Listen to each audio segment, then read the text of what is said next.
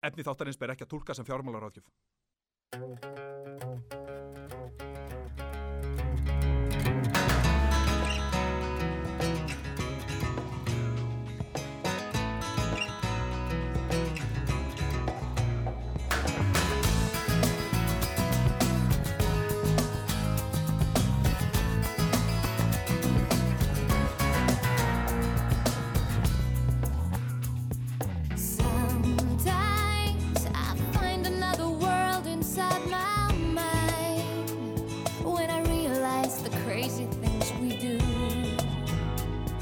Makes me feel ashamed to be alive. It makes me wanna run away and hide. It's all about the money. It's all about the dum dum da da dum dum. I don't think it's funny. To see us fade away is all about the money. It's all about the dum dum da da dum. Símin er komin á Airplane Mode og uh, það er 50 dagur sem þýðir það að uh, hér þátturinn uh, fjárfesting, skemmti þáttur um fjármálin uh, í þann mynd að hefjast. Og uh, ég býð ykkur hjartanlega velkomin í þáttin, kæru hlustendur. Þetta er þriðji þáttur í okkar serju og hafa fyrstu tveir þættirnir gengið framar okkar vonum og erum við afskaplega þakkláttir því. Nú í dag er með mér Vigdís Hafleðadóttir sem að stjórnar hér þættinum með mér. Vertu velkomin, Vigdís. Kæra þakki fyrir það. Gaman að vera hérna í staðin fyrir Mattias. Já, í staði fyrir Mattias sem er ennþá á sjó. Akkurat. Eh, Glöggir hlustendur sem hlustuðu á síðasta þátt vita það kannski að Mattias Tryggvi Haraldsson fór á rækjutógara að eh, vera kokkur og það er ekkert grín ef einhverjir halda það þessi eitthvað grín, það er bara alvöru mál og ekki til þess að grínast með. En uh, við ætlum að fá að heyra í honum Mattias og eftir, við vorum mjög heppin að fá að heyra í Mattiasi uh, fyrir viku síðan þar sem hann var á sjó. Við fáum aftur að heyra í honum og ekki nómið það heldur er Vigdís með mér í dag. Já. Ég var einn hérna fyrir viku og Vigdís, við ætlum aðeins að ræða við Matta á sjónum. Einmitt. Það er nú, nú svolítið spennandi að við getum, getum gert það. Já, ég hef ekki oft talað við einhverja sem er á sjó. Nei, emmitt. Ég held ég hafi bara aldrei gert það. Nei, það er mjög, merkilegt að það sé hægt. Mhm. Og við ætlum að gera það meira sér gegnum Skype, en það er annar mál. Uh, við uh, viljum í sjálfsögðu þakka Brain. Brain, vanta þig bókalds þjónustu, þá kíkir á Brain. Eins og heili á ennsku en með ypsilonni og allt stórir stafir. En svo við förum nú lauslega yfir uh, dagskrá uh, þessa þáttar. Þá uh, verða hér viðskiptasagnir, uh, viðskiptafyrirsagnir vikunar afsakja á sínu stað. Hvað erum við með meira, Vigdís? Já, það er viðskipta fyrirsagninnar. Svo ætlum við að taka viðtal við gest sem við kannski uppljósmum síðar. Já. Svo er náttúrulega símatíminn. Já, akkurat, það er símantíminn góði, við opnum að sjálfsögðu fyrir síman og eftir, símin er 5881994, við viljum að línutnar glói í lok þáttar, við ætlum að ræða nefnilega mjög skemmtilegt þema í dag og við ætlum ekki að segja alveg eh, strax uh, frá því hvert þemað er, heldur ætlum að hafa svona örfáar vísbendingar um það í ákveðnum viðskipta fyrirsögnum og auðvitað þeim lögum sem við spilum. Já. En ég held að okkur sé ekkit að vambúnaði veitís en að vinda okkur bara beint í viðskipta fyrirsagnir vikunar. Gjörðu fyrirsagnir vikunar. Já, það má til dæmis segja frá því sem að er ánægileg frétt að atvinnuleysi hefur minkað töluvert. Það var 12,5% í janúar en 6,1% í júli.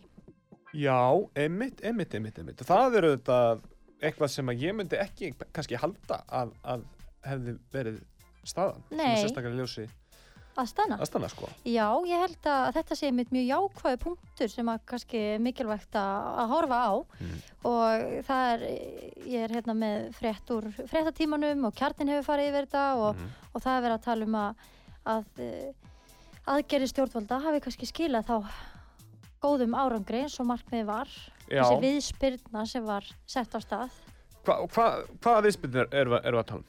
Það voru svona vinnumarkaðs aðgerðir Já, hefjum störf og það voru ný störf skráð, það var reynið að, reynt að búa til nýja styrki já, og uh, hlutabóta leiðin eins og við munum eftir, flesti kannski svolítið að margir ósátti með þetta þegar þetta kom, fannst þetta ekki nógu miklar ráðstafanir, en Einmitt. það verðist eitthvað að vera að skila sér og þetta verður að teljast jákvætt. já það, væri, það mjög áhvert að vita, þú veist, í hvaða í hvaða byrtingamyndum þetta, þetta atvinnuleysi að lækka, hvaða nýju störfi eru þetta? Já. Þú veist, hvað, hvað, hvað Einmitt. er, er, er, er eitthvað sem að þú veist kannski sem þú getur, getur nefnt eða, eða Ég veit ekki, en ég hugsa svona að þetta er sumarið, kannski er þetta túrismin, Já, eitthvað já. að rýsa já, aftur. túristinn skapar, eða túristminn sk- allt svo skapar Já, eh, atvinnu. skapar ákveðin störf við Já, þetta. já, þetta. Það, ég veit ekki hvort þetta hafi, Ég, meni, ég á nú, ég á nú mjög, mjög nákomin ættinga sem vinnur hjá Flyover Iceland já, sem dæmi. einmitt, Það eru þetta mjög,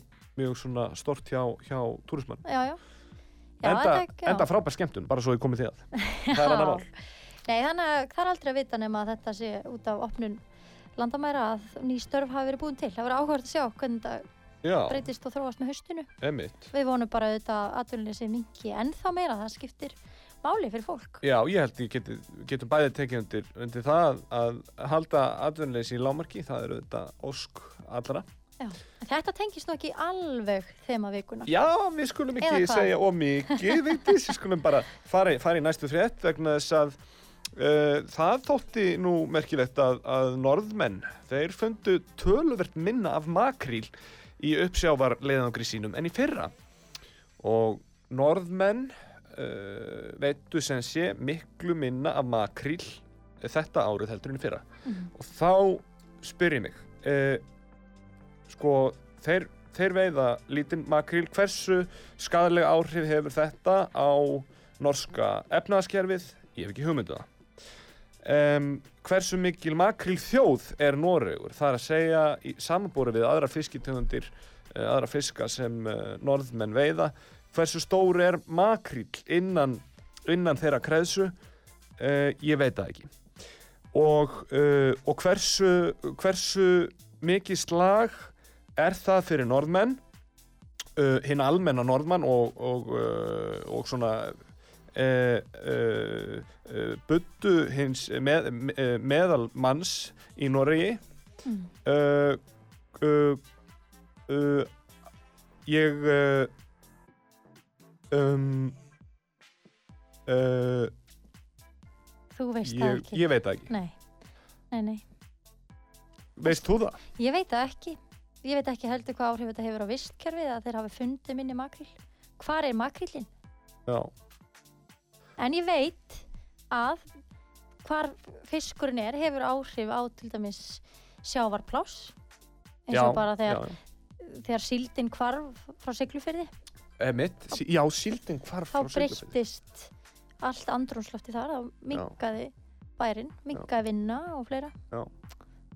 Já, nákvæmlega, þá minkar vinna og það er kannski, kannski eitthvað sem að uh, herjar á, á ákveðin, ákveðin hóp fólks þarna, í Núri. Já, En ég meina, maður veit náttúrulega, þú veist, já, makríl og síld, báða fiskitegundir og, og, og verða svona, verða svona miklir, miklir svona tjónvaldar í Já. báðum þessum dæmum. en fólk stólar reyðir á þetta Já, að ganga þessu sem vísu já. stundum Nú, svo var hún eh, Elisabeth Ólafía Rónaldsdóttir klippari sem að, uh, var að koma hérna í tekjublaðinu. Hún er, er tekjuhástur listamæður landsins. Það var nú mjög stundið gaman að sjá hún að lista. Tíu tekjuhástur listamæður landsins Einmitt. og, og, og það var tóttið áhugavert, sko. Oft, oft er svona, tekjublaðið var náttúrulega að koma út og okkur ber að fjalla um það. Já, þetta hefur líka verið á vörum margra Já, já. margir auðvitað. fórvitnir yfir hvað Og við, og við sem fjármála, fjármála þáttur, skemmti þáttur fjármála, við verðum auðvitað að tala um tekjublaðið þegar það kemur út, því annars erum við náttúrulega ekki að fjalla um fjármálin. einmitt. en, en, en sko ég verð nú að segja það, þetta er alltaf sama sagan einhvern veginn það, það, við sjáum hverjir eru allra ríkastir og svo sjáum við ummælinn um þetta fólk og, og þau eru náttúrulega mismunandi en svo sjáum við tekið inn í mengi tíu ríkustu listamenn landsins og þá, eru, þá verða ummælinn svo fallega og mér finnst það svo skemmtilegt af því að, af því að mér finnst líka gaman að skoða, skoða þessi minni mengi Já. ég verð til í að vita hverjir eru tíu tekjuastu kokkar landsins Einmitt. Og hvað Eh, ætli valdi því? Hver fær hærri laun sem kokkur? Já, einmitt. Á, ok, herðu, er hérna, er þessi, Tómas Tómasson Já. kokkur, er hann tekjastur? Herðu, hvað ætli hann sé? Einmitt, Já, ok, hann er hérna á gamla Dillon, hann er að elda þar. Mm, Herðu, við erum að fara þangað í næstu viku. Skilurðu? einmitt. Það verður gaman að geta séð það. Já, Hver er að vinna inn fyrir kaupanum sinu, sko? akkurat. Og ég meina, kannski er hægt að, hægt að, hægt að skoða hægt að, það, ég menna Steinu Birna Ragnarsdóttir óperustjóri er á þessum lista, það er kannski hægt að Hún er neðst á listanum. hún er, já, hún, hún, hún, er, er í tíunda sæti, það er kannski hægt að skella sér á, á óperuna og, og, og uh, horfa á óperuna og, og, og reyna að meta gæði óperunar út út frá því hvort að hún sé að vinna inn fyrir launum Já, sem eða sem, sem, sem ég veit reyndar að hún er að gera og, og, og, og þau þetta þarna í óperuna að gera aldeilis frábæra hluti Já, uh, ég undanfarið. nú sagt skemmtilega staðreind að ég og Steinubirna voru saman á Víknaslóðum í sumar á Austfjörðum að ganga. Já, það er ekkert Nei, annað það voru við í sama, í sömu gönguferð. Það, Einstaklega jákvæð og skemmtilega mannskja. Já, því er ég sammála Já. Hún bauð mér einu svona út að borða Nó, hann að fatta þetta á henni. En það er nú önnur saga, ég veit ekki hvort ég á að vera að segja mikið frá því fyrir Já. geðu steinun eða þú ert að hlusta. Jæja, hún er örgla að hlusta. Já, já, en, en uh, já, þetta voru viðskipta fyrir sannig vikuna, það þjættu pakki hjá okkur og núna ætlum við að uh, fá uh, eitt lítið lag sem heitir Burt með kvótan en uh, svo eftir það þá ætlum við að fá pistil frá honum Mattiasi sem var tekin hérna upp þegar hann vissi að hann væri að fara út á sjó og, og vissi hvaða þema við ætlum að hafa í dag og okkur hefur nú tekist að halda því lendu hinga til en Það má finna ýmsar vísbendingar eins og ég segi í lögunum sem við spilum og jafnvel þessum fréttum sem við vorum eitthvað að rýna í núna áðan. En uh, við ætlum að byrja á því að fá lag Burt með kvótan, gjöru þið svo vel.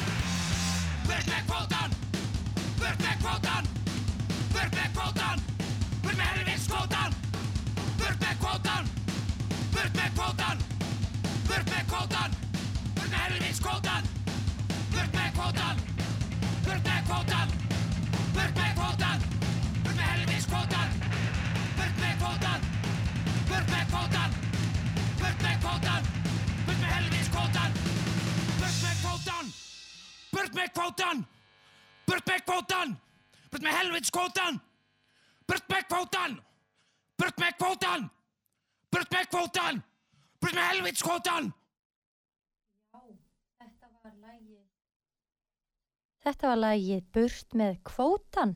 Ég veit ekki betur en það verið Óttar Proppi sem söng þetta. Jú, mikið rétt, mikið rétt. Og gefur nú einhverja mynd að þema vikunar. Já, við skulum nú ekki segja, segja, segja of mikið. Ég er bara svona að láta fólk frá vísbendingar. Já, lagið tala sínu, sínu máli. En við ætlum nú að, að kynna þema vikunar og við gerum það með því að spila hér pistil frá Mattiasi sjálfum Tryggva Haraldsinni. Gjöru þið svo vel.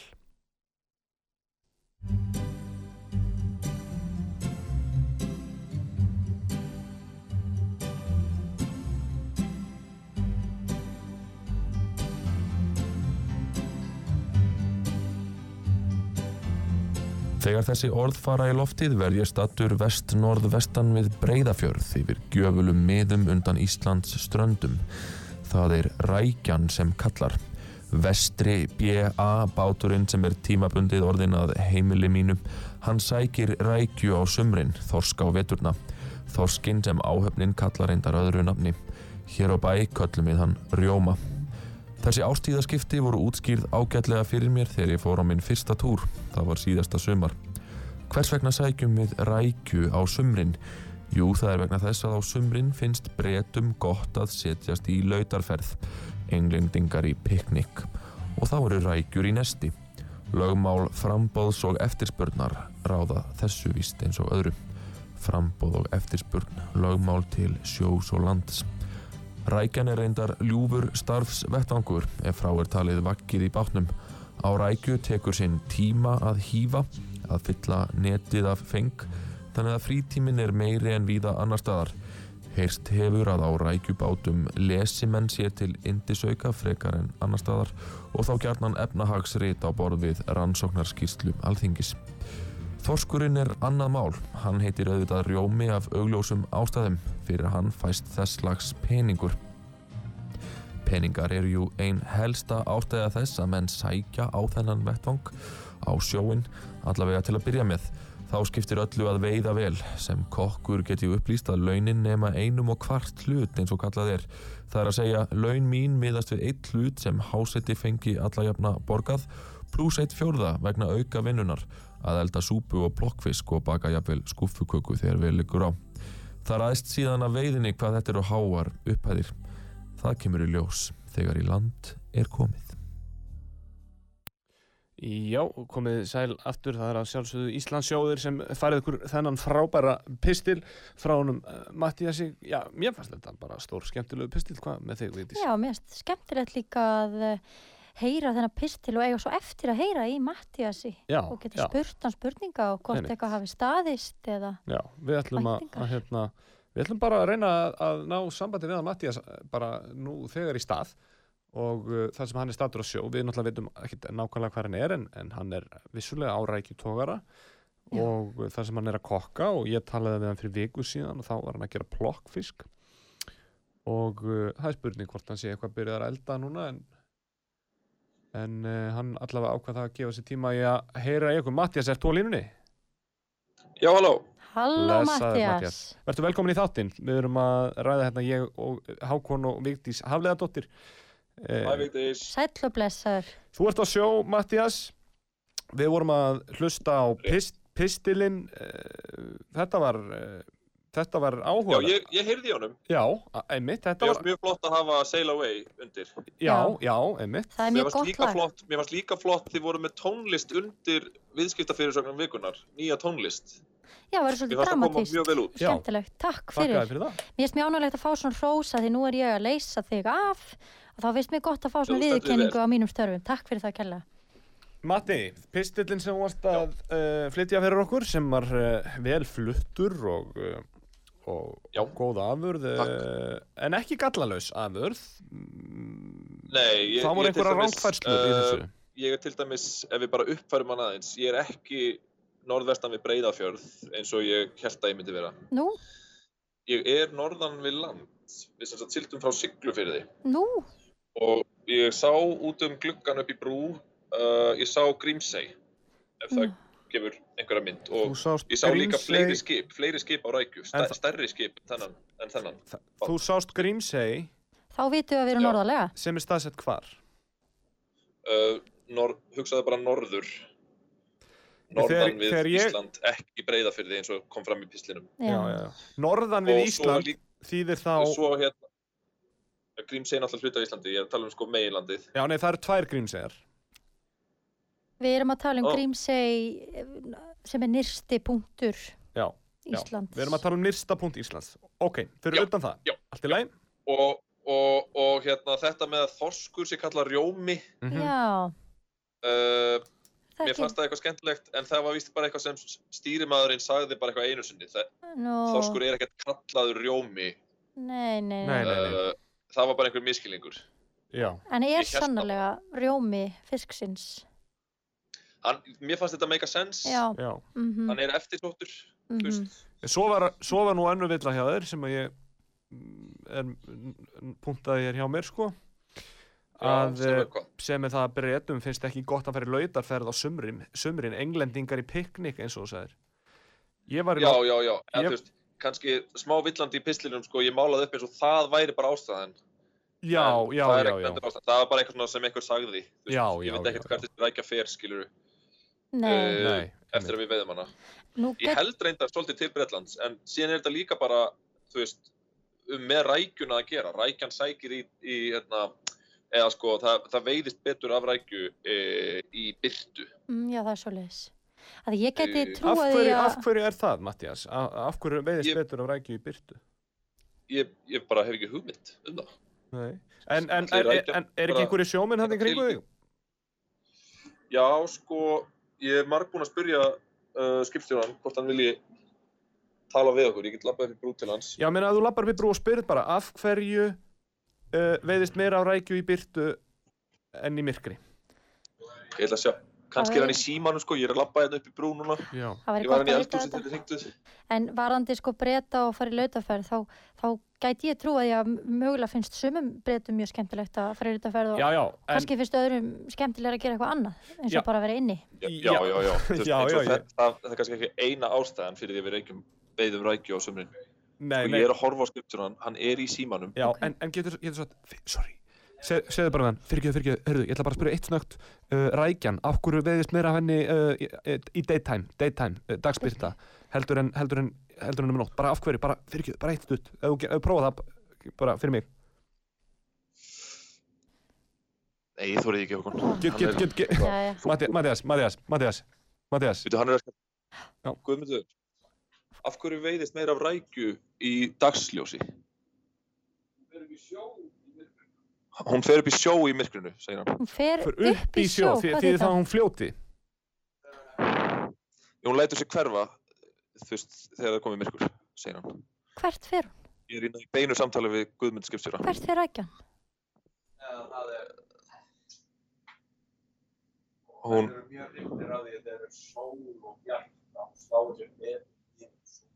já, já, já. Já, þannig að rækjan, það, lætur sjá sig í sólinni og hlýjunni Já, hún, hún bara nýtur sín meira og er Já. bara, og er feimnari í myrkrinu. Mm. hún er feimnari og, og felur sig. Mm. Eins og ég skil þetta. Það þykir mér opbóðslega áhugavert. Og svo grípum við hana þegar hún er að njóta sín sem mest Já, og endum líf hennar. já, og, og, og við njótum hennar líka þegar við erum að njóta okkar sem mest. Já, er svolítið svona, já, það er svolítið stemming. svona stemmara, Rækja er Einmitt. stemmaramatur og Já. það er stemmari að veiða rækju út af því að það er svona, ég vil náttúrulega ekki prófa að veiða fisk, nei, þú veist, mikið, en þú veist, þetta er svona, það var reynda rétt í pislinum, það er mikill frítími hérna.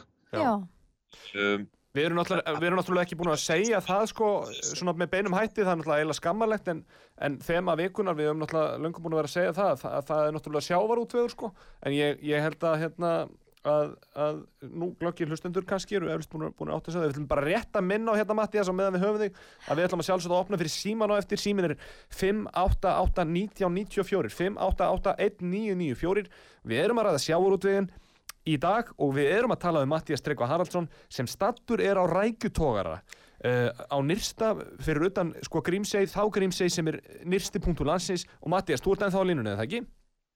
Jú, halló, Já. blessað. mikill frítími og hvað gerir í frítíminu Mattias núna? Það Stundum lesa baka rannsóknar... ég. Já, baka. Þú ert ekki að lesa rannsóknar skýslu alþingis?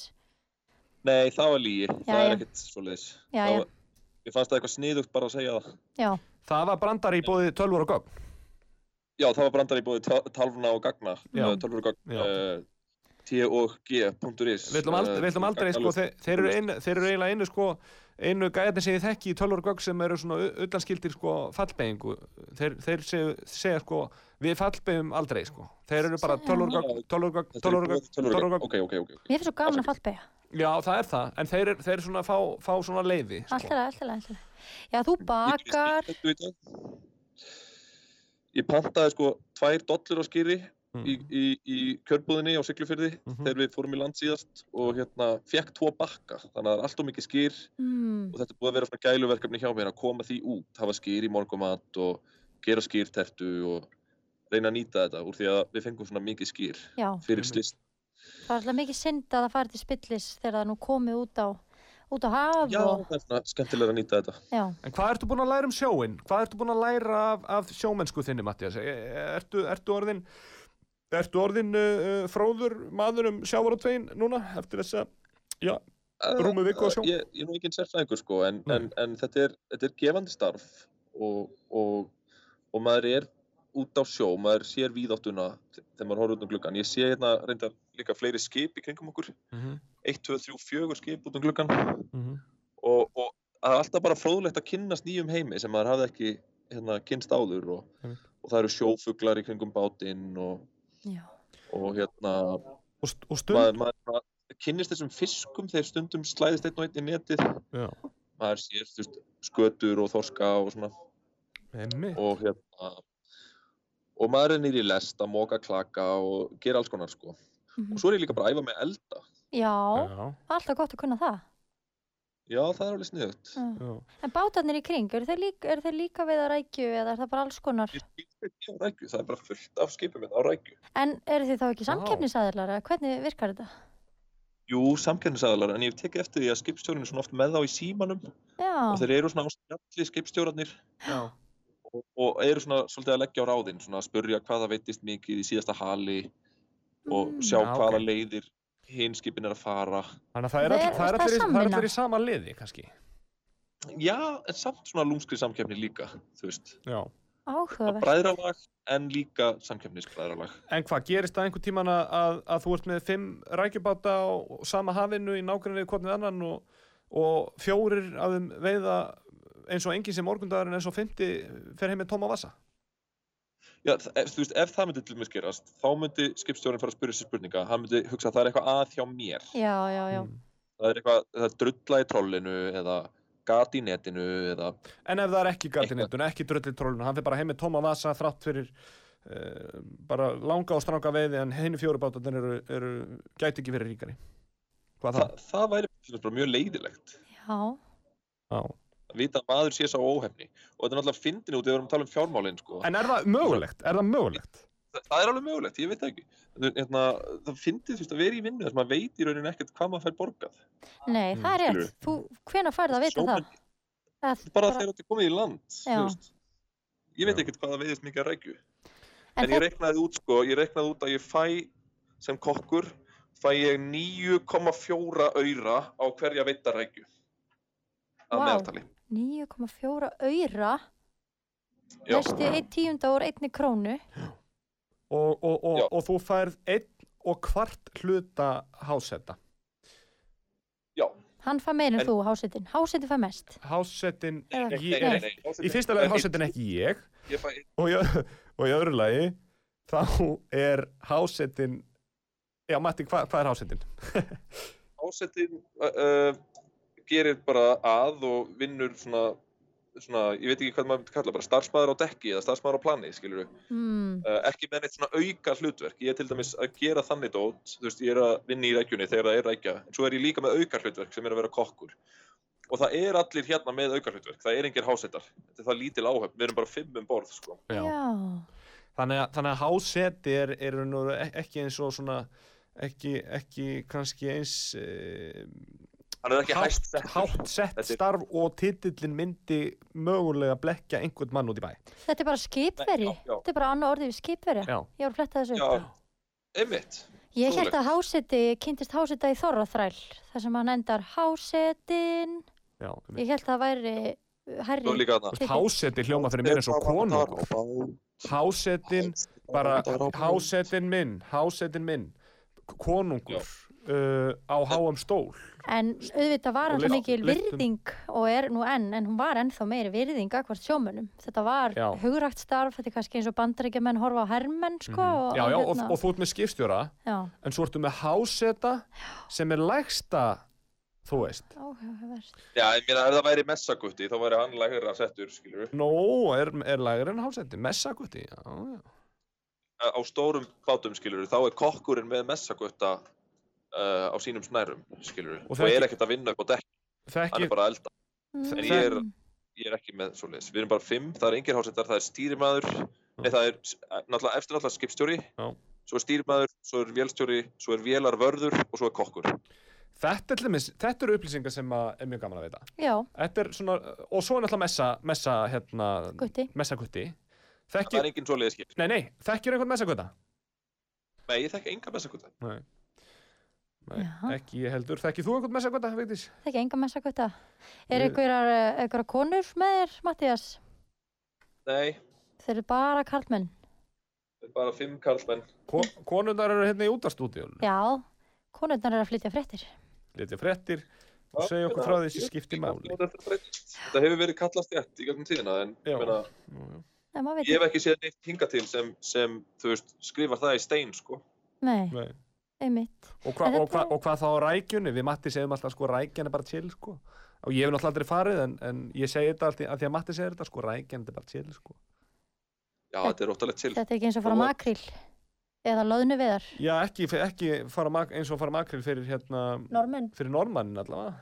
Það er Ég skilst að það sé mjög góður peningur í uppsjáfafisk. Já, Þessi en-. En það eru aldrei veist minna makril, nei fyrirgjöðu, það veitist miklu minna makril í ár heldur en í fyrra í Norri. Já, Komst að Það- því. það eru staðreindir sem ég veit ekki hvað ég á að gera við. Nei, ég meina, Nei. ég, nei, ég meina þú þarft ekki að gera neitt við það, ég er bara að segja þér það, af því að, af því að þetta er svæði sem er millir Noregs og Íslands sem þeir eru að veiða makrilin á. Já, að- já, já, já, já, já, já. Þannig að þú veist ekki hvað það gerur svo upplýsingar en, en ég ætla samt sem Nei. maður að gefa þér þær.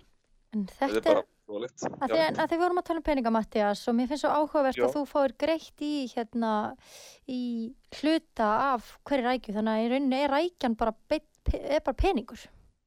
Já, eftir að við reiknaðum þetta út og náttúrulega það að við séum að reikna þetta út segir sína sögu um að við höfum slatt af frítíma. Já, já. Þetta eru útreikningar áhafnarinnar og uh, ég, sé, ég fer nýr í lest, skiluru, og þar erum við að koma rækjunni í ker og klaka og eitthvað og hérna, ég sé þetta allt öðrum augum, skiluru. Ég sé að það koma niður um lúuna, bara, trrr, bara fullu og ég sé bara nýju aurar, nýju aurar, nýju aurar, nýju aurar. Þó, en þetta er lifandi vera sem þú sért bara sem, sem Já, hún er bættalega látin þegar já, hún er komin þarna, já. Mér finnst það bara áhugavert hvernig sjónarhóttni bara, þarna er peningur, þarna er peningur. Þetta er vissulega, þetta er vissulega algjörlega frábært sko að fá fyrsta leið að tala við þig á sjó og í öðru leið að fræðast um það hvernig það er að vera á sjónum frá manni sem er á sjónum í rauntíma á meðan við erum hér í stúdíu og að tala við í beinni þar sem þú ert einhverstaður út á hafi. En uh, Mattias, við, við verðum að, hvað er þig, við verðum að hleypa auðlýsingum vegna þess að til okkar er að koma sjómaður. Já, við ætlum að fá sjómann í viðtal, Friðgeir Bjarkarsson, hann ætlar að tala við okkur hér eftir auðlýsingar og uh, við lökkum mikið til að spjalla við hann. Mattias, takk kærlega fyrir uh, samtalið. Ég byrði heilsu öllum Skilum því, og hlakka til að koma. gangi vel, farið varlega. Se, segjum það Þetta Mattias, er mjög vel, Vigdís, Takk og þú líka, Hákon. segjum það þakkaði fyrir Mattias, blessaður og Bye, bye. nú fáum við auðlýsingar. Útvarpsaga með hlustendur í 44 löndum. Útvarpsaga.is Á sjó. Á sjó. Þeir sóttu fyrr og sigðum hafinn blá Þeir eru fræknir fiskimenn og fást við úfinn sjá. Milli hafnum heiminn þeir halda sína leið. Á sjó. Þeir sækja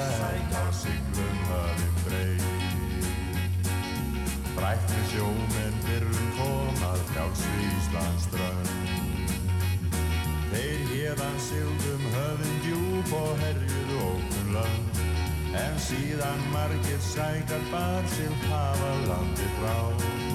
Bátar þeirra borist hafa bylgjum sjávar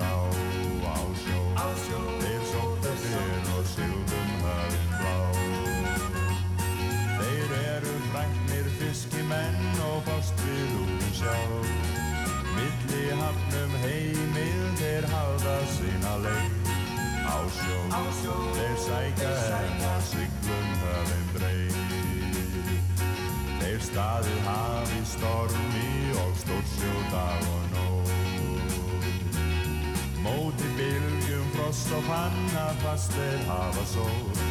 Er skipið ösklar öldurnar þá olgar þeirra blóð. Þeir eru sannir sjómenn til sóma okkar þjóð á sjó. Þeir sóttu fyrr og sigldum hafinn blá. Þeir eru fræknir fiskimenn og fast við úr sjá. Milli hafnum heimil þeir halda sína leið. Á sjó, þeir sækja enn á siglum höfðin breið. Þeir sífætt farum sjá að leið Fiskinn góða fær á landið fögnum öllum þeir. Þeir lifa djart á land og sjó í leik og hverri þrau.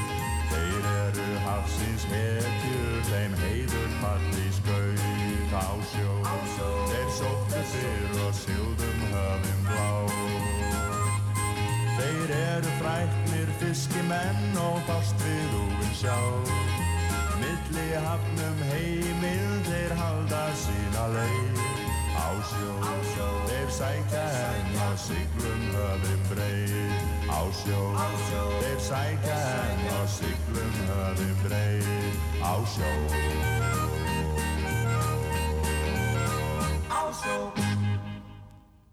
Já, komið sæl aftur fjárfesting, skemmti þáttur um fjármólin. Við erum hér að sjálfsögðu á okkar stað. Það er 50 dagur, klukkan er, eh, já, réttæflega 20 minnur í 6 og við erum komið með uh, ákvæmlega góðan gest hingað í uh, stúdíóðu til okkar. Þetta er hann uh, Friðgir Bjarkarsson sjómaður. Verstu velkominn, uh, Friðgir. Takk. Um, já, við erum, eins og ég hef sagt þér, við erum að fjalla hér um sjávarútvegin í, í þessum þætti, í þessari viku, það er þema þáttarins núna og, og þú ert uh, núverandi og starfandi sjómaður, ekki satt? Jú. Og, og búin að vera hversu lengi starfandi sem sjómaður? Síðan 79. Já. 79. Og það, og það eru, það eru nokkur ár. Já, það eru nokkur. Já. Og þú varst nú að segja mér hérna frá því áðan að ég var að spyrja því svona út í, út í hver, hver er lengsti túr sem þú hefur farið í. Og þú sagðir 120 dagar. Já, sem sagt lengsta úthald sem ég hef farið í sem sagt án þess að koma heim til mín. Mhm. Já, einmitt. Það eru í kringum það. Það sem, já, hvað já, þýðir á þess að koma heim til þín. Þannig að þú fórst í land einhver. Ég við lönduðum, sem sagt, komum í löndun í Kanada sem stóð bara yfir í, í Rúma Sólarhing og svo farið út aftur. Já, og fyrir utan þessa einu löndun þá varstu bara á sjó. Já. Og hva, hva, hvernig, hvað hva, hva, hva, hva var sá túr? Hver var sá túr? Hvað voru þið að veiða? Það var maður að rækju. Já, Nei, þið voru að veiða rækju eins og Mattias er að gera í dag. Það þeir voru bara að chilla. Ég get nú ekki sagt það svo sem það var, eh, við vorum að fiska 800-900 tonn á mánuði, sko. Já. Sem að þykir þá vantilega mikið í, í samhengi við Já, almen, almennt. já, þetta var náttúrulega sér útbúið skip í þetta og, Já, og ákvæmlega gott skip og góð Já. áhöfn og, já. og hérna, Er það rétt sem Matti segir að, að það sé rólera að veiða á rækjutóra en, en, en á öðrum, öðrum tórum? Sko, það getur alveg verið það, það fer bara eftir aflabröðum eins og maður segir, Mm.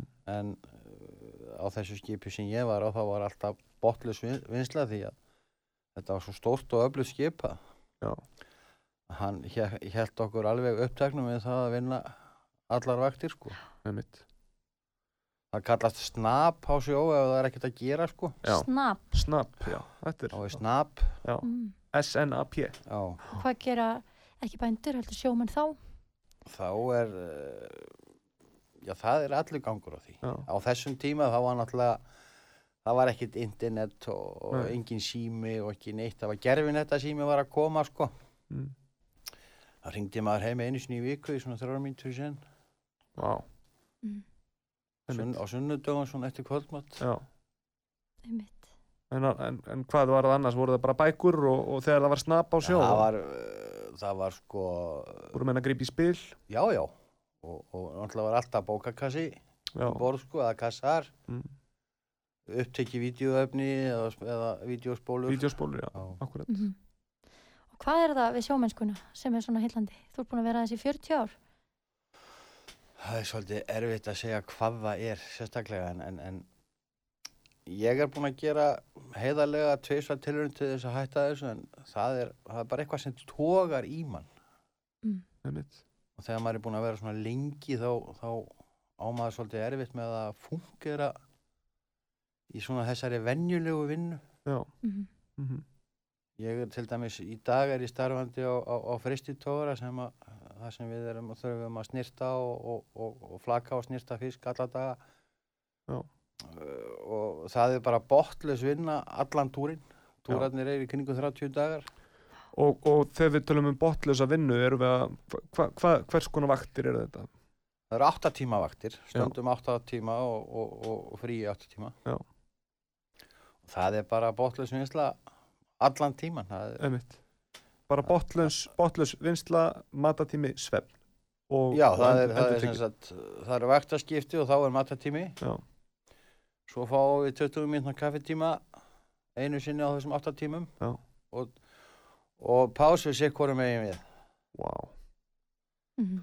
Einmitt. Þetta er, Þetta er þetta- keisla, vertíð. Þetta er bara það sem maður hefur alveg stöfið og Já. Já. manni líkar þetta vel. Já, já, þetta er, þetta er bara hörku vinna. Maður kann ekkert annað og er lítið annað, skulle við segja. Já, Og hérna, já þú kannt allavega að tala í útvarpi, ég get gefið það. Já, getur, það getur verið auka vinna þín. ja, mögulega, Já. ég, ég, hérna, Og þú kemur nú hingað á, á mótorhjóli allavega frá hveragerði, það er, það er nú annað áhuga mál eða, eða er Já, svo, það svo sem ekki, ekki kannski flötu fyrir starfsvettangun en það er allavega áhuga mál Mm. og, og uh, já, og, og ég meina við erum að reyna að kynna okkur hérna sjávar útvegin, þetta er náttúrulega risastórt orð, já. sjávar útvegur um, hvað, hva, hvað, hvað er það sem næri við sjávar útveg? Er, er, er bara verið að tala um fiskveðar þegar verið að tala, verið að tala um sjávar útveg? Er það bara svo einfalt? Já, já, ég myndi segja það svona stæðstan hluta en, en, en svo er náttúrulega fiskeldið að koma svolítið stert inn í þetta líka. Já, hvað, ég meina, bara fyrir þá sem að kannski spurja og eru er, er ekki mjög vel kunnir, hva, hvað er fiskeldi? Hvað er það? Þá er náttúrulega bara fiskur alinn í sjókvíum einhverstaðar inn á fjörðum. Já, alinn til þess að ve vera veittur. Já, hann er síðan bara tekinn í, í þess að þetta er, e, þeir velja bara ákveðna er best að, að slátra hann þegar hann er kannski 1,5, 2 kíló, 3 kíló, ég veit það ekki, Mhm. Já. þekki það ekki. Og það er bara verðt til að stemming í kringum það, það tekur 1-2 daga að, græja það. já, Það fer allt saman bara samdægus í flug, aha, eitthvað elendis. aha, einmitt. Og þetta er ótæmandi markaður, sko.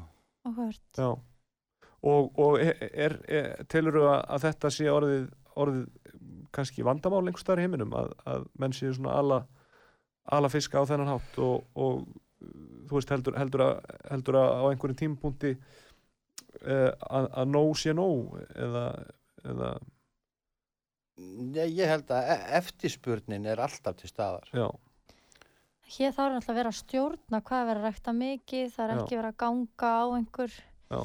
einhver mið sem að, Það er náttúrulega bara ákveðin formúla í gangi fyrir það hvað þú getur alið í, í einni kví. já. Mm.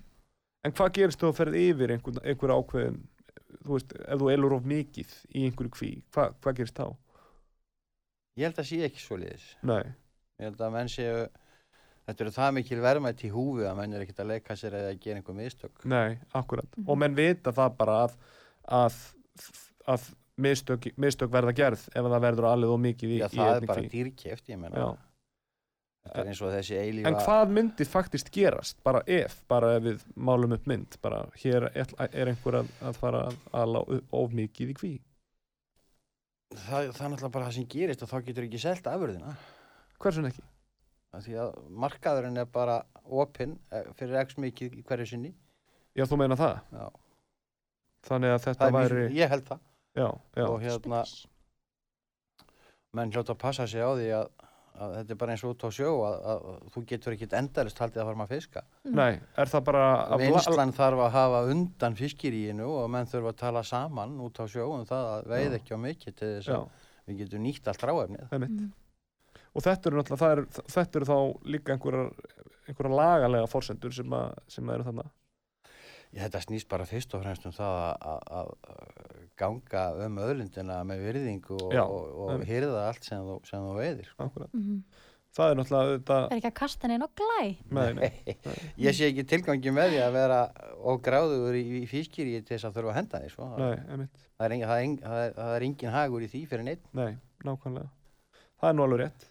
Um, en, en, en heldur að, að, að menn, já, hugsi svona almennt séð um, um þessi mál, já, sjómenn til dæmis út í heimi, um, menn sem vilja græða á, á fiskeri Nei, ég er ekkit viss um að, að, að sjómenn víða út í heimi er ekkit á sömu nótum og, og við hér heima því að Nei. bara á þessum árin síðan að ég byrjaði til sjós og þá hefur mjög mikið breyst í bara hugsunahætti um, um að, hvernig á að ganga um þessa hluti. Já, Eins og hvað? Já, eins og ég segi, þú veist, að að vera ekki að veiða of mikið Mhm. því að ef þú getur ekki nýtt hráefnið, það verður ónýtt í höndunum á þér af því að það er of mikið af því. Mm. Og Það- menn, já. þetta þarf að vera bara ákveðin skynsemi í gangi Já. hjá öllum sem að þessu koma. Já, Fiskurinn hefur náttúrulega verið svona fyrir Íslendinga ákveð svona lifi brauð, bara það sem var hvað mikilvægast fyrir þjóðuna og svona áhugavert að uh, sjómennska hefur verið partur af sjálfsmyndinni lengi vel og, og það hefur kannski breyst svona í setjum tíð eða hvað, finnur upp mun á stjettinni og viðhóru gagvart Það sem að Sjómönnum. sko, það er ákveðin aldurshópur í þjóðfélaginu sem að ber ómælda virðingu fyrir sjómann. Mhm. Það er fyrir ekkar eldri kynsluðin, sko. mm. En ég held að bara unga fólki okkar í dag sé ekki alveg uh, bara uh, með nógu mikinn áhuga á þessu til þess að, að mynda sér skoðun. Kannski bara ekki fundið að svona að sé það svart og hvítu hvað það skiptir miklu máli ef maður bara Já. horfir á fóreldra sína eða ömmu og afa og þar þekkti einhvern sem átti pappa sem var sjómaður og lést á sjó og ef að báturinn fóst þá var mikil sorg í þorpinu eða, eða Já. erfitt fyrir. En ma maður spyr sig þetta af hverju þessi áhugi fer, fer minkandi. Já. Maður spyr sig, hva, er, er, er, er til að þú verið einhverja ákveðna skýringu á því fyrir þér? Uh, Þetta er náttúrulega a- a- oft á tíðum mjög mikil vinna mm Já, og, og sumir segja óþverra vinna. já. Þetta eru miklar stöður og, og stundum miklar vökur. Mm. Mm. Mikið álag. Já, mikið álag Já. og hérna, eins og ég segi, það er aldrei frí. Þú ert 30 dagar til sjó í, í túr eða jafnvel meira og þú gengur bara þínir 8 tíma vaktir alveg Já. alltaf. Það er náttúrulega auðvitað bara mjög virðingavert og, og ekki eitt skrítið að, að, að fólk, fólk sem að svona viti eitthvað um málið beri ómælda virðingu fyrir sjómönum. Ég held að, held að það sé óhætt að segja það. Já, það er sko, það er bara svo mikið breyst bara á síðustu 20 árum sko sem hefur komið inn í, í Íslands samfélag til sem þess að skapa meiri gælduristekjur sko. Já, einmitt þannig að þetta er ekki eina Nei, ekki eins og var sko. Nei, ekki eins og var. Ferðaþjónustan er mjög stór og, og, og, og meira sko. einmitt. mm Og held, heldur það verði, heldur það verði skortur á sjómönum? Er, geti það gerst að, að, að það er bara vöndun á, á, á fólki hreinlega?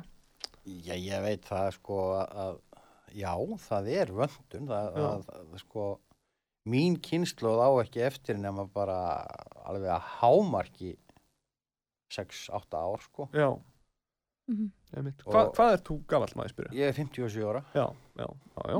og hérna það er bara okkur vantar unga stráka sem að hafa þennan áhuga sem maður hafði sjálfur einmitt. og því að það þýðir ekki fyrir þig að hugsa það að þú ætlir að fara á sjó en það kostar blóðsvit á tár sko Já, einmitt. Algjörlega. kannski jafnvel stelpu líka ef það er desperasjón Já, fleiri, Já, fleiri sem geta ég hef hoppa nú verið með einni og einni svona í gegnum árin og, Já. og þær hafa margar hverja staðið sér bara mjög vel sko já, einmitt, já, á, út á sjónum. já, já. Já, já, já, já, það er einmitt. Mattias er nú að standa sína plikt núna Já, sem fulltrúi okkar kynsluðar já. aldrei að vita nema Hann er á rækjutóra það sem eru fimm manns. Já. Og, mm og það er öðruvísi eins og á semst, ísfis, er hann á Ísfiskisrækju held ég, er það ekki, jú og þá, þá er sko það er dreigið svo lengi þráðið. já, já, já, já, já, já. En hjá okkur á, á, á, á hérna á bólfiskinum þá er þá er kallin yfirleitt það fljótur að fá í trollið að, að hérna það er hamrað á okkur að hamast áfram til þess að Hvað, sko, því núna, núna, núna, núna er ég að sjá þetta fyrir mér, sko. Sko, það er dreigið svo lengi í rækjunni. Já. Þýðir það bara að það er verið að hýfa upp lengi, eða? nei, það er bara dreigið til botni lengi. Já, ok. Venjulegt toga okkur á, á svona þokkalegum fristitógar eru fjóri til sex tímar, Já, stundum minna. já, Yfirleitt aldrei meira nei, og, og, og, og það er eins, eins og við höfum þetta og það sem ég er að, að, að þá er bara náið samstarf á milli mín og, og, og, og yfirmanna í brú um það hvað, hvað hendar hverju sinni já, einmitt. svo eru menn bara með mælitæki og dóta á trólunum þannig að menn sjá svona nokkurn veginn hvað er komið í þau Já, Mm. já, akkurat. þannig að þetta helst svolítið í hendur með það að vera já, það er bara okkur í hag gagvart kaupendum að vera sem með alltaf sem feskasta hráefni til þess að Einmitt. Og, og fara gætilega og vel með ráðnið eins og við nefndum áðan og, það eru þetta bara frábær skilabóð inn í, eh, inn í þennan þátt og, og inn í kosmosinn og, mm. og við þökkum þér fyrir ekki kærlega fyrir að koma hérna til okkar og ræða við okkur það er bara frábært að, fá þið hingað mínur annað takk kærlega fyrir. Já, uh, kæru hlustendur, uh, nú ætlum við að uh, opna fyrir síman eins og við lofuðum. Símin er auðvitað 588 1994. Uh, við uh, viljum ræða bara við hlustendur um sjávarútvegin eða hvað sem það kann að vera sem að liggur uh, á hjarta hlustenda og já, er einhver að ringja núna? Nei, það sýnist mér ekki. Þá bara fáum við fáum við kannski eitt lag við að fá hérna Sail, sail, sail Away Gjörðu svo vel, Sail Away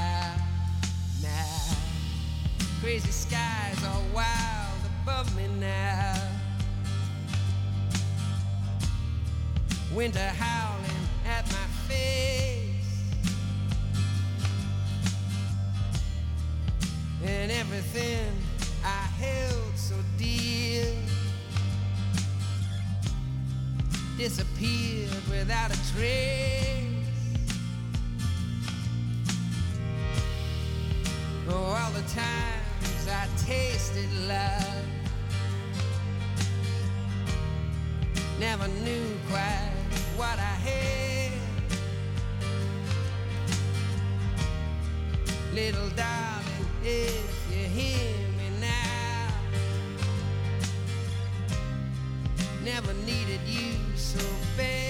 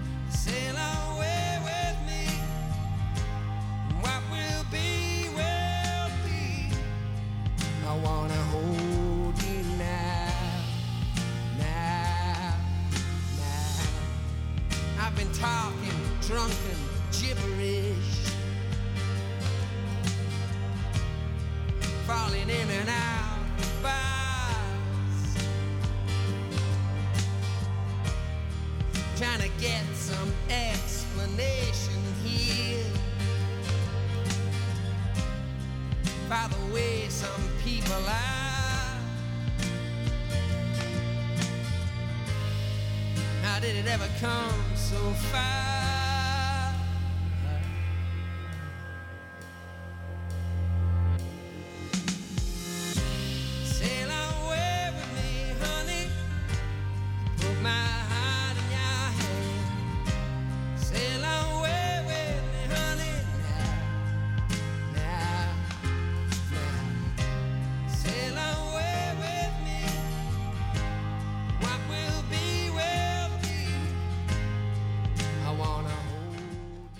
Já, við erum hérna ennþá fjárfesting, skemmti þáttur um uh, fjármálin. Við vorum að ræða við Friðgeir Bjarkarsson sjómann. uh, við erum auðvitað með opið fyrir síman. Við ætlum að ræða sjávar útvegin við þá hlustundur sem vilja hringin 588 1994.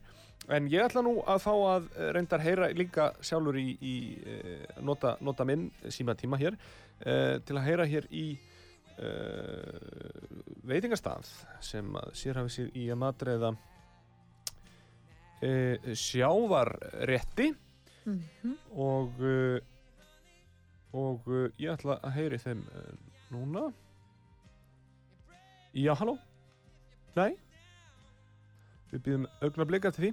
Ég ætla að heyra í, í, í þessum stað og, og spurja hann út í ymislegt Ég ætla að spurja til dæmis hvort að þessi restaurant sé í góðu sambandi við einhverja sjómenn Ég ætla að spurja hvort að, að uh, veitingastæðir á borðu þessar veitingastæðis, þannig veitingastæðis ég er að hringi núna séu virki þáttakandur í sjávarútunum hér á landi, ef já, hvernig? Hvaða, uh, hvaða starfsfólk innan staðarins er, er í bestri tengingu við við uh, uh, sjáar, sjáar uh, út, útvegs fólk Já, það og verður áhugast að heyra hvað þið hafa að segja. já, er það ekki? En það hefur verið mjög gaman að tala við nú bæði við Friðgeir og við Mattias. Já, það var alveg, mér, mér fannst alveg nokkuð magnað að tala við hann Friðgir. Ég hefði viljað tala við hann miklu lengur. Já. Ég verði að viðkynna það og, og ég, hérna, Ég er eiginlega sammála því, og sko. ég er hluti af þessari kynslu sem að þekkir ekki vel til sjómennsku Já, og maður hefði örgulega getað að tala við hann í svona klukktíma, sko. algjörlega og þetta er Halló, áhugavert. halló. Já, halló. Já, uh, ég ætlaði að aðtuga það, þú ert í beinni hér hérna, útvarpi sögu, uh, velkomin í skemmti þátt um fjármálin sem heitir fjárfesting. Uh, ég ætlaði að spurja, er, er þið í góðu sambandi við einhverja sjómenn? Hvað fyrir fyrir ekki? Er, er, þið góðu, er, þið, er, er þið á ykkar stað, eru þið í góðu sambandi við einhverja ákveðna sjómenn? Uh, nú bara veitu það ekki. Það er svona Mhm. kannski meira eldúsi sem getur farað þér. Já, og, má segja að, að veitingastæðar á borði ykkar séu virkið þáttakendur í sjávarútunum hér á landi. Ert þú með skoðun á því? Hvern, hvernig svona ykkar staður, sko, sko hvers konar vægi ykkar staður hefur sem, sem beint þáttakandi í sjávarútunum á Íslandi? Uh, nú bara veit ég ekki alveg. Ég, þú getur sagt okkur e-mail að hefur eitthvað spurningar. Já, en, en uh, já, get ég rætt við einhvern? Já, ekki bara eins og er akkurat núna. Við erum bara í rauninni á vaktinni. Það er Já, bara nóg já. að gera. En þið, en þið, að- en þið að, serverið, en þið náttúrulega serverið fisk og þið serverið fiskmynd og þið serverið sjávarétti, það er rétt hjá mér, Algjörlega. og þið fáið þessa sjávarétti vantarlega, ráefnið frá hérna, einhverjum ákveðnum aðilum Já, passar. og það hljóta ofta á tíðum að vera sjómenn. Jú. Er þetta allt íslensku fiskur sem þið eru með eða er þetta fiskur? Já, allt nema túnfiskurinn. Allt nema túnfiskurinn, já. Þannig að það má, það má þá vantarlega gera ráð fyrir því að, að fiskurinn komi frá íslenskum sjómannum eða hvað? Algjörlega. Já, það er nú gaman og áhugavert að heyra það og, og hvaða Já, já. fisk uh, eru þið með þarna fyrir utan túnfiskin sem kemur erlends frá? Eh, Við erum bara með ýmislegt. Við erum með þorsk og karfa, lax, við erum með, uh, við erum með hérna, raustötu alls konar bara sem er breytilegt eftir fyrst dagsing. Já. Til dæmis, svo erum við líka með humarrækju og hörnskil. Er, uh, uh, er, er mikið af starfsmönnum hjá ykkur sem að hafa reynslu af því að vera á sjó? Nei, það er einn bara sem hefur inn að sjó. Já, einn er á sjó og, og, og var hann lengi á sjó? Já, er í eitthvað tíma, ég er ekki alveg, er ekki alveg nú vel. Og, hva, og hversu gamall er svo einstaklingur? Vegna þess að við vorum að taka viðtalaðan við sjómann sem heitir Fredki Bergason og hann sagði okkur að unga kynslu að vera að missa algjörlega áhugan á því að fara út að sjó þannig að ég áhugaði að vita Ok, hvað hann er er nefnilega ungur, sko, hann er 20 Já. og hann er ungur. Og hver er vinsalisti staðurinn hjá ykkur? Um, um, maturinn, maturinn uh, rétturinn. Eh, Besti er já, já, já, já. herðu, Er ég. ég þakka þið bara kærlega fyrir uh, spjallið, Já. þú segir að kokkarnir vita eitthvað meira um, um þetta mál uh, Já, bara hvað, hvaðan hann kemur og svona. Þú getur bara sendt e-mail til dæmis á bjarni.sjávagrið.is. ok, herðu, þá ger ég það Æði, Þakka þér fyrir. Já, bless, bless. Ok, bless. Já, kæru hlustendur, við erum ennþá með opið fyrir síman 588 19 94 588 1994 og uh, við vonumst til þess að heyra frá ykkur ef við höfum tíma. Um, en uh, við höfum ekki tíma. Klukkan er bara orðin 6, tíminn hljóp all, aldeilis frá það er okkur. svona þegar það er skemmtilegt. Já, Þá líður tímið svo mitt Ég var vonsvikin að veit ekki hvaðan þau fengu fiskin en hún getur nú svarað því hún Bjarni. Já, já, já. En þá bara tökum við á móti hlustendum í næstu viku. Já, við gerum það. Með Já. og uh, já, ef mér skjállast ekki þá eru Mattias komin í land og uh, kemur hinga aftur í stúdíóið. Við, við stökkum kærlega fyrir okkur í dag og takk fyrir að vera með mér hérna. Bara mín var ánægjan. Alltileg